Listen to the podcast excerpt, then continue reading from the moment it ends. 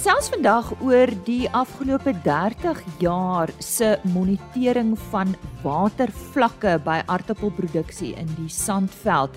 Ons medewerker Susan Maree het tydens die Aardappels SA Navorsingssimposium op Parys met Julian Conrad van Geo Suid-Afrika hieroor gesels. Hy eh, praat ook oor die stryd wat produsente het met waterlisensie aansoeke. En Isak Staats van BKB is ook vanoggend aan die woord. Die wolseisoen open weer eersdaags en ons hoor hoe lyk vooruitsigte.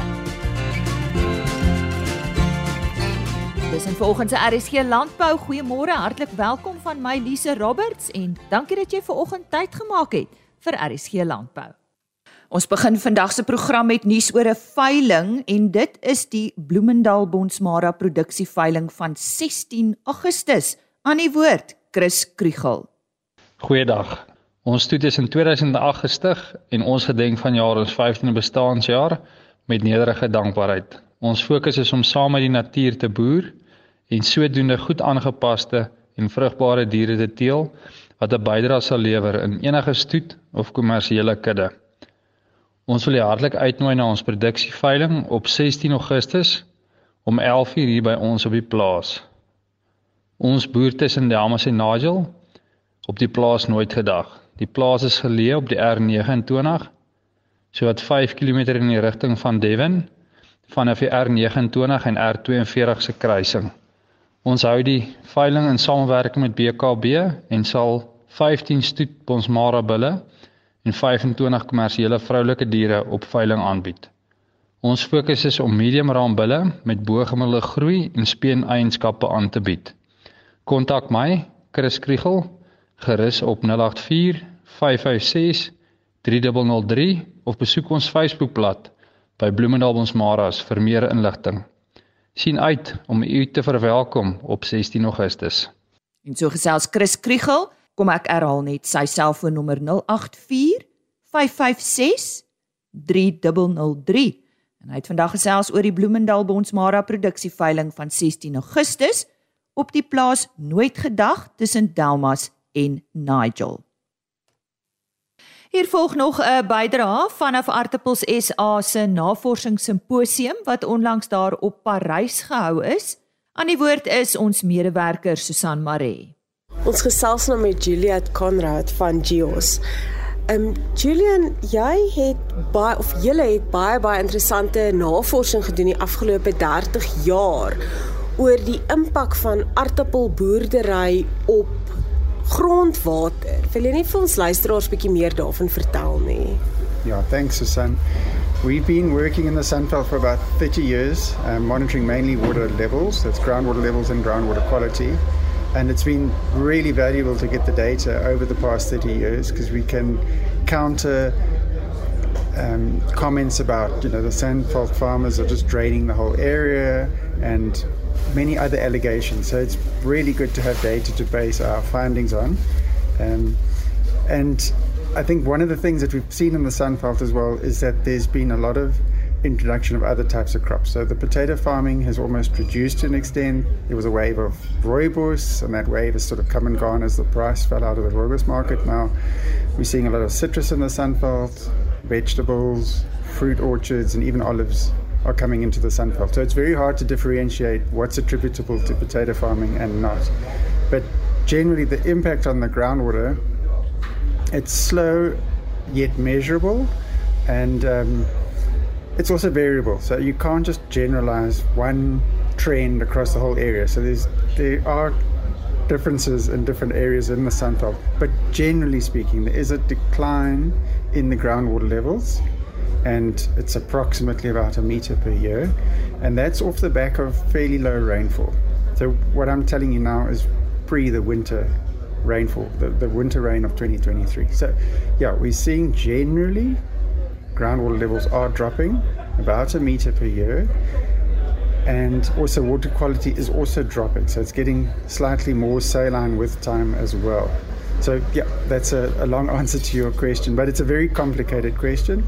But what we've seen now in 2023 has been really unprecedented. We had good rains early on in the year. Already in March, we had very good rains, and then it's continued to rain like in the old days, you know, days of consistent rain. So even now in July, we've got about the annual average rainfall for the area, and I think it's also across the whole Western Cape that we've had this higher rainfall, unprecedented. Um, and as I say, it's really filled up. The dams, dam levels are, are very high, and we're even seeing rises in the water table. Water levels are, are rising. Water quality is improving as well. So it's very, very interesting to see what's happened. And I don't think anyone really forecasted. So let's see what how the rest of the year unfolds. 'n baie interessante punt wat gemaak is tydens julle paneelbespreking is die feit dat daar blykbaar 'n bietjie van 'n probleem is met waterlisensies in die Wes-Kaap spesifiek en die Sandveldboere was nou 'n bietjie ongelukkig daaroor. Wil, wil jy vir ons vertel wat daar aan die gang is nie? Yeah.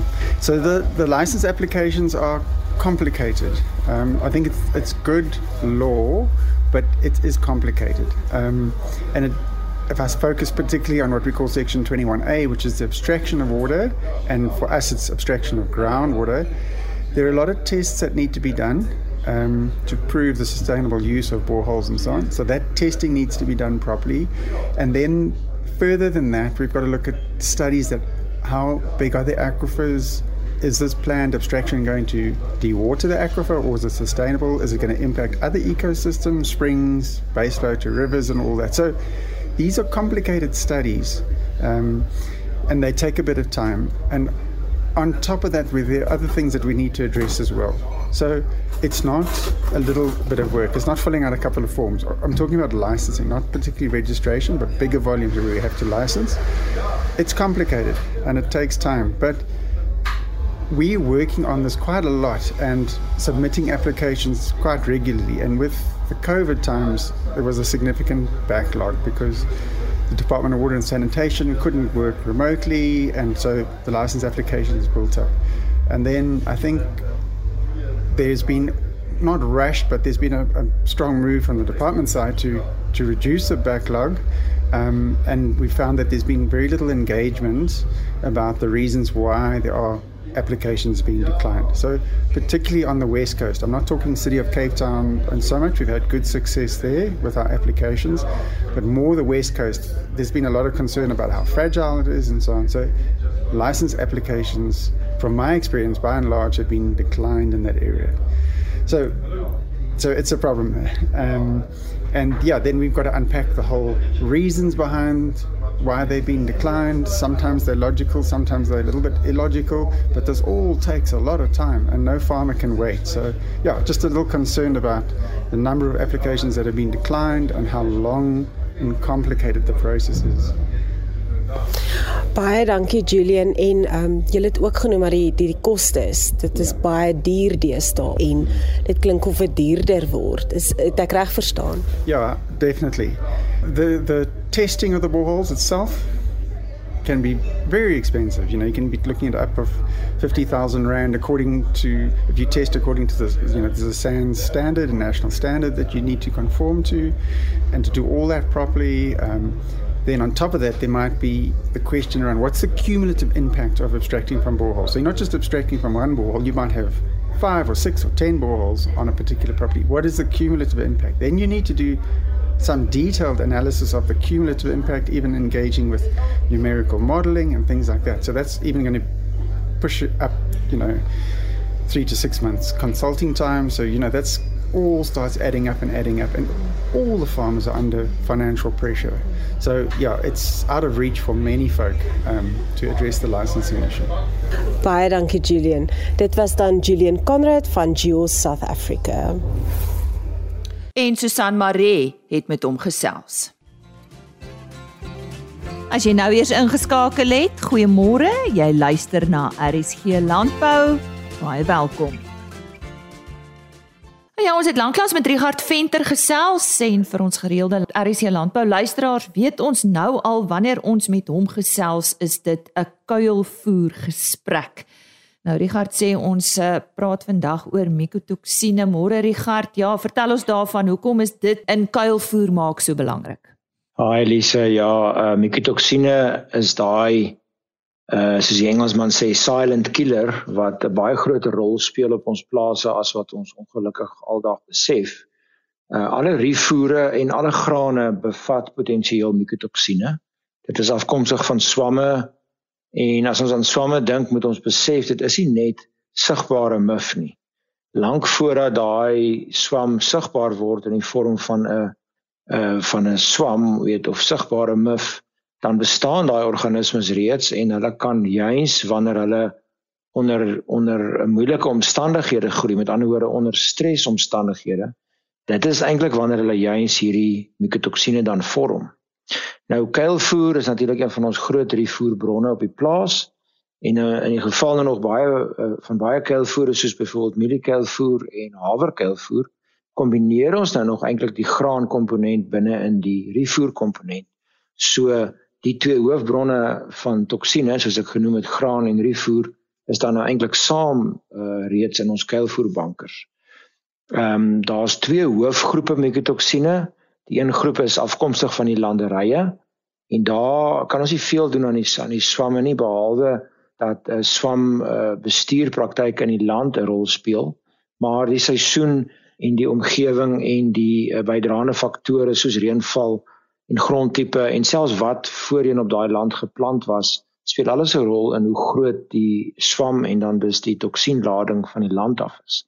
So aan daai kant van die toksien uh uh minste kan ons minder doen. Alhoewel die goeie nuus is dat sommige van die toksine word wel afgebreek in kuilvoerbankers. So net omdat hy aanvanklik in die land teenwoordig is, sê nie hy gaan wel in kuilvoer 'n probleem veroorsaak. Die ander helfte of die ander kant dan van die toksienprobleem is swamme wat vorm in kuilvoer spesifiek en dan hulle toksine afskei. So hier moet ons besef dra die boer die verantwoordelikheid om daai swamgroei te verhoed en en dis dan die toksienbelading wat daarmee saamkom te verhoed. En soos meeste dinge in die lewe is voorsorg natuurlik beter as nasorg want hoewel ons kan sekere dinge doen om toksine in voer te probeer uh, aanspreek of of sogenaamd bind dat die dier dit nie op die ouend uh, absorbeer nie is die heel beste benadering natuurlik vir gesondheid en uh, uh vooruitgang dat die dier glad nie dit inkry nie. Met ander woorde ons moet verhoed dat die swamme groei. Uh weer eens sommige van die swamme wat sou moontlik vorm in kuilvoer en dit is tipies swak geproduseerde kuilvoer uh byvoorbeeld kuilvoer wat baie nat gemaak is, kuilvoer wat se suurstofverwydering nie baie goed was nie, byvoorbeeld swak gekompakteer en kuilvoer wat natuurlik swak toegemaak word waar jy groot hoeveelhede mif in die bo-laag kry. Dis tipies die bronne van hierdie swamme en dan die die toksine, maar dan nou weer eens gelukkig van hulle speel nie noodwendige rol in die dier nie want 'n kuilvoerbanker veral wanneer hy oud word het die ongelooflike vermoë om 'n klomp probleme vir ons uit te skakel en die kelvoer sogenaamd te detoksifiseer. Maar weer eens, dit is net sommiges baie van die toksine gaan wel deur na die dier toe. Ehm um, en waar wat is die negatiewe effekte? Uh diere kan baie lank voordat ons kom by reproduksieprobleme of uh, aborsies. Dis goed waarvoor mikotoksine soms bekend is. Maar baie lank voordat ons by daai vlakke en by daai probleme kom, het die diere reeds 'n uh, verswakte inname, verswakte rumenfunksie en verlaagde immuniteit. En dis dan eintlik soos 'n handrem wat ons optrek op hierdie diere wat op 'n lang blootstelling gee dit eintlik vir ons diere 'n uh, uh, onderdrukkende effek op optimale produksie. Ja, dis 'n duidelike waarskuwing vanaf Richard Venter van Axi Unlimited. Sy onderwerp van bespreking vandag, mikotoksine by kuilvoer en indien jy graag met hom daaroor wil gesels, die beste is stuur 'n e-pos Richard met 'n DT aan die einde by xi soos in science fiction, soos in sci-fi. xi.co.za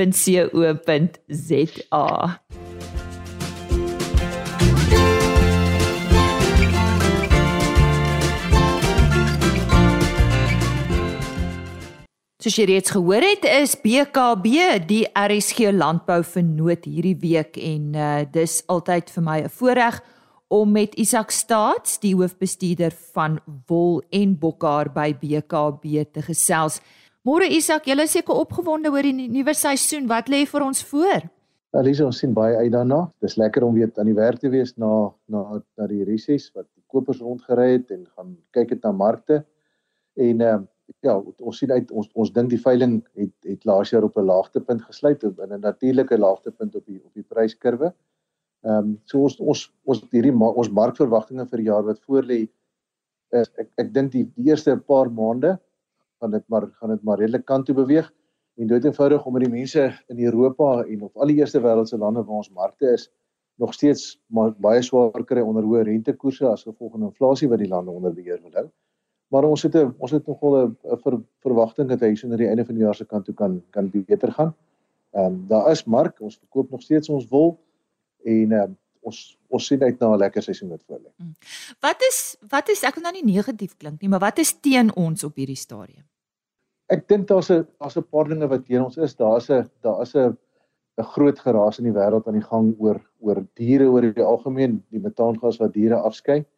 En jy weet dis nou dis nou maar deel van ons verantwoordelikheid is is om hierdie boodskap te verkoop dat diere eintlik goed is vir die omgewing en daar's baie goeie wetenskaplike bewyse daarvoor. So ek dink dis die een ding wat teen ons is. Die ander ding wat wat ons wat ons kry is diere diere regte organisasies PETA het aan die begin van die jaar gesê hulle gaan uitsluitlik fokus op wol en bokkar, ag eintlik wol en leer ehm um, en al hulle ander projekte laat gaan so ek dink dis 'n risiko uh, wat wat in ons besigheid lê en dan en dan maar net die wêreld se se die wêreld se se verbruikers oor die algemeen kry swaar op die oomblik.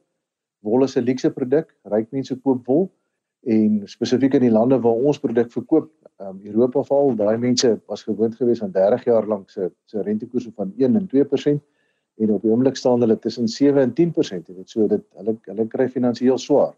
Ehm um, Maar ek weet dis ons sien dieselfde ding in China, Chinese verbruikers waar waar omtrent die helfte van die wêreld se wol word as 'n eindverbruikmark in China gebruik, kry ook swaar ekonomies. Ehm um, maar jy weet ek dink weer ek ek dink daai daai dit lyk asof daai daai rentekoers siklusse baie naby aan sy bokant is of of of klaar op sy bokant gewees het. En die impak van siektes, ek dink maar aan back and claw wat uh, wat ons mag getuister het.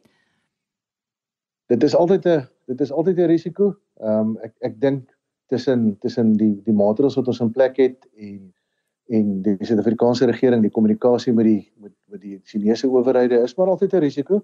Maar ons stelsels is eintlik in plek. Wat wat laas jaar hierdie ding gekelder het, is dit nie vir COVID die die die die kommunikasie nou tussen regerings was was ongelooflik moeilik geweest want die mense was dood eenvoudig nie op kantoor nie. Mm, mm. Ehm um, en ek ek dink tog dit wat ons nou in plek het werk hier's hier's baie goeie beheer in Suid-Afrika wat wat biosekuriteitsrisiko's aanbetref vir, vir wat spesifiek nou in die wolbedryf.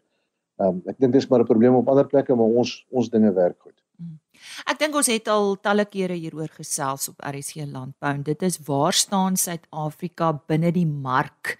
Hoe belangrik is ons as rolspeler? Miskien kan jy net dit weer vir ons uh, noem ons is eintlik 'n relatiewe klein rolspeler in terme van volume. So ons is maar so so 4 4 tussen 4 en 6% van die wêreld se volume in wol. Uh maar die tipe wol wat ons produseer is is uh wat hulle noem apparel wool, met ander woorde wol wat in klere pakke spesifiek ingaan. En daarso het ons nog 'n redelike groot markandeel, so ek dink hierso by die 20% kom. So en ek ek dink ons on-invloed in die wêreld is nogal dit is altyd interessant om te sien hoe groot ons invloed is. So by die internasionale tekstielorganisasie is ons het ons voorskrif die die die organisasie is opgedeel in komitees en ons het ons is voorsitters van 4 van die van die 7 komitees wat daar so is. So ons is ons is baie betrokke daarbey. So so ja, ons is nie groot nie, maar ek dink ek dink dat ons stem word word geag daarso. Bietjie meer aan die bedryfskant terug by die huis. Hoe gaan dit met ons uh uh op produsente? Watse terugvoer kry julle? Ja, ek dink ons produsente kry swaar. Ehm um, ons het ons het na hierdie droogte het dit nou gereën, so maar dit het ons nou nie geld gereën nie. Ehm um, die veld het mooi herstel, so ek, ek dink boerdery omstandighede is makliker, maar om deur die droogte te kom moes ons ons produsente 'n klomp geld gaan leen en daai geld moet nou terugbetaal word en ons ons produkpryse het nie aangepas by hierdie nuwe werklikheid nie. Inteendeel, as jy as jy hierdie goeie kyk en jy sit dit op 'n grafiek van 20 of 30 jaar dan gaan jy sien produkpryse het eintlik maar het maar het maar redelik eintlik afgekom en koste het net opgegaan. So ek dink daar's uitdagings um, wat dit aan betref. Ons is besig om baie meer tyd te spandeer aan om om om die ding te verstaan en te verstaan wat nodig wees vir produsente om te oorleef in die toekoms. So dis 'n dis 'n 'n komplekse vraagstuk. Isak, ja, julle is eintlik maar daar vir julle produsente. So 'n boodskap miskien, wat doen julle as BKB om julle produsente te ondersteun? Ons het die ons het die afgelope ruk vir onsself gesê ek dink die eerste ding wat jy moet sê is soos wat dit met ons produsente gaan, so gaan dit met BKB. Ons is ons ons ons besigheid is ongelooflik naby gekoppel aan ons produsente se welstand. En so dis 'n probleem wat ons baie tyd en aandag gaan spandeer en ek dink wat ons wat ons heeltyd vir mekaar sê is die die wat ons gaan moet doen om om so 'n moeilike tyd te oorleef is ons sal ons sal meer moet weet en al maniere wat ons meer kan weet is ons deur meer te meet. So ons spandeer baie baie tyd nou aan aan dit landboukundige adviesdienste. Ehm um, wanneer hoekom maak dinge nie sin op op 'n plaas nie? Wat en wat kan ons daaraan doen? Wat is die oplossings daarvoor? Ons sê altyd ons is prysnemers en tot 'n sekere mate is dit so alhoewel ek dink ons deesdae nog hulle invloed kan kan hê oor die prys. Maar die verskil lê op die plaas. Ons kan daarso is geleenthede daarso om meer geld met dieselfde diere te maak. Ons sal net baie meer presies moet werk. En ek en ek weet ek dink dis waar ons tyd ons ons nou ons tyd voltyd spandeer. En so gesels Isak Staats, hy is hoofbestuurder wol en bokhaar by BKB. Nou ons het uh, vroeër in die onderhoud met hom gesels oor die nuwe wolseisoen of die wolseisoen wat hervat en uh, daardie datum, die eerste wolveiling op 16 Augustus en uh, ons sal op RC Landbou natuurlik weekliks die wolmarkverslag weer op Dinsdae uitsaai. Dis alweer tyd om te groet. Dan môreoggend se RSG Landbou, kom ek vertel jou vinnig, ons uh, gesels oor 'n gids wat die Departement Landbou, Grondhervorming en Landelike Ontwikkeling beskikbaar het oor bosverdigting. Susan Maree daar uh, tydens die Weidingsvereniging van Suider-Afrika se kongres met Paul Avenant daaroor gesels. Ook met Dr. Lorraine van den Berg van die van Grootfontein Landbou College oor 'n toep wat hulle bekend gestel het. En nou dan praat ons ook oor die voordele van aminosuurformulering vir herkouers uh, met Willem Wolmerans van Adisio. So, heel wat om na uit te sien. Onthou RSG Landbou op rsg.co.za spotgooi beskikbaar. Jy kan ook gaan kyk by agriorbit.com, agriorbit.com, daar word die onderhoude afsonderlik gelaai. En dan laat ek jou met 'n e-posadres, rsglandbou@plaasmedia.co.za. RSG Landbou is 'n Plaas Media produksie met regisseur en aanbieder Lize Roberts en tegniese ondersteuning deur Jolande Rooi.